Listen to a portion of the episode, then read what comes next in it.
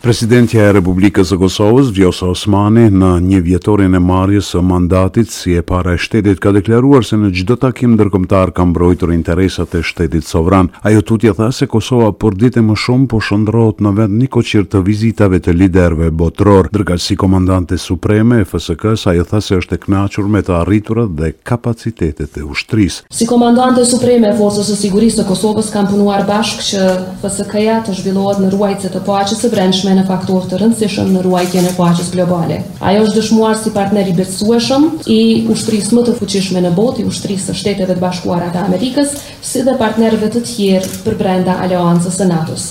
Presidentja Osmani foli edhe për ballafaqimin me pandeminë Covid nëntëmbëdhjetë dhe sigurimin e vaksinave për qytetarët e vendit. Ndërkaq e pyetur për zgjedhjet e fundit në Serbi, presidentja tha se Serbia vazhdon t'i shohë Kosovën, Malin e Zi dhe Bosnjë e Hercegovinën si shtete të përkohshme. Institucionet e Republikës së Kosovës u kanë dhënë të drejtë qytetarëve serbë që kanë dyshtetësi të votojnë qoftë nëpërmjet zyrës ndërlidhëse, qoftë nëpërmjet postës apo edhe duke nënshkruar një marrëveshje bilaterale, kanë qenë tri opsione, asnjëra nga të cilat nuk është pranuar nga ana e Serbisë. Ndërkaq për moslejimin e zgjedhjeve të Serbisë në Kosovë dhe ndikimin eventual në dialog, ajo tha se Kosova nuk ka kontribuar në asnjë mënyrë që të tensionohet situata rreth dialogut. Pritjet tona janë shumë të mëdha nga Bashkimi Evropian dhe natyrisht institucionet e Kosovës do të kontribuojnë në këtë drejtim, Por nuk mund të them që kemi pritje optimiste sa i përket sjelljeve të Serbisë. Ky është proces megjithatë në cilin ne duhet të angazhohemi vazhdimisht dhe ta japim më të mirën tonë, sepse duhet të përqendrohet në njohjen reciproke e ky është interes i Republikës së Kosovës.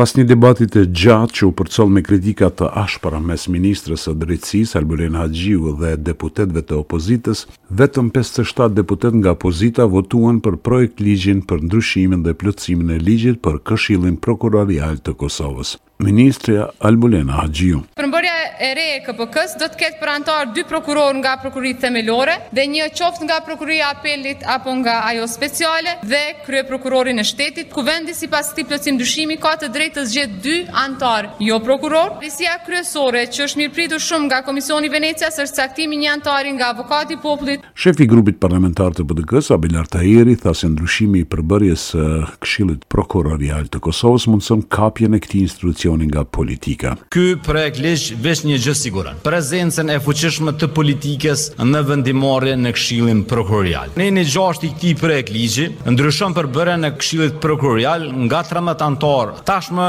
kemi zvogëlimin e tyre në shtatë. Në rregull, mirëpo, zvogëlimi do duhej të jetë proporcional. Driton Selmana i LDK-së tha se projektligji është joprofesional. Ky draft që na ka ardhë neve sot përpara, është ndër dokumentet më joprofesionale të shkrume ndonjëherë dhe më kontradiktore dispozitë prej dispozite. Kush i ka shkruar këto po them përsëri, o lidhje s'ka me drejtësinë. Kritika për projektligjin patën edhe deputetë tjerë të opozitës. Ndërkaq deputeti i Vetëvendosjes Parti në pushtet, Artan Abrashi tha se me këtë projektligj synohet reformimi i sistemit prokurorial. Ne dëshirojmë që të kemi një sistem prokurorial i cili i lufton ata që e shkelin ligjin. Ne nuk dëshirojmë këshill prokurorial apo kryeprokurorë të cilët menjëherë pas përfundimit të mandatit përfundojnë në lista zgjedhore të partive politike. Kërkojmë kryeprokurorë kompetent për zgjedhjen e të cilëve nuk kontestohet në këto përmasa të asaj se çka ndodhi dje dhe sot. Gjendja e rënduar ekonomike, ngritja e çmimeve të artikujve bazë ushqimorë ka bërë që sot të dalin në rrugë për të protestuar një numër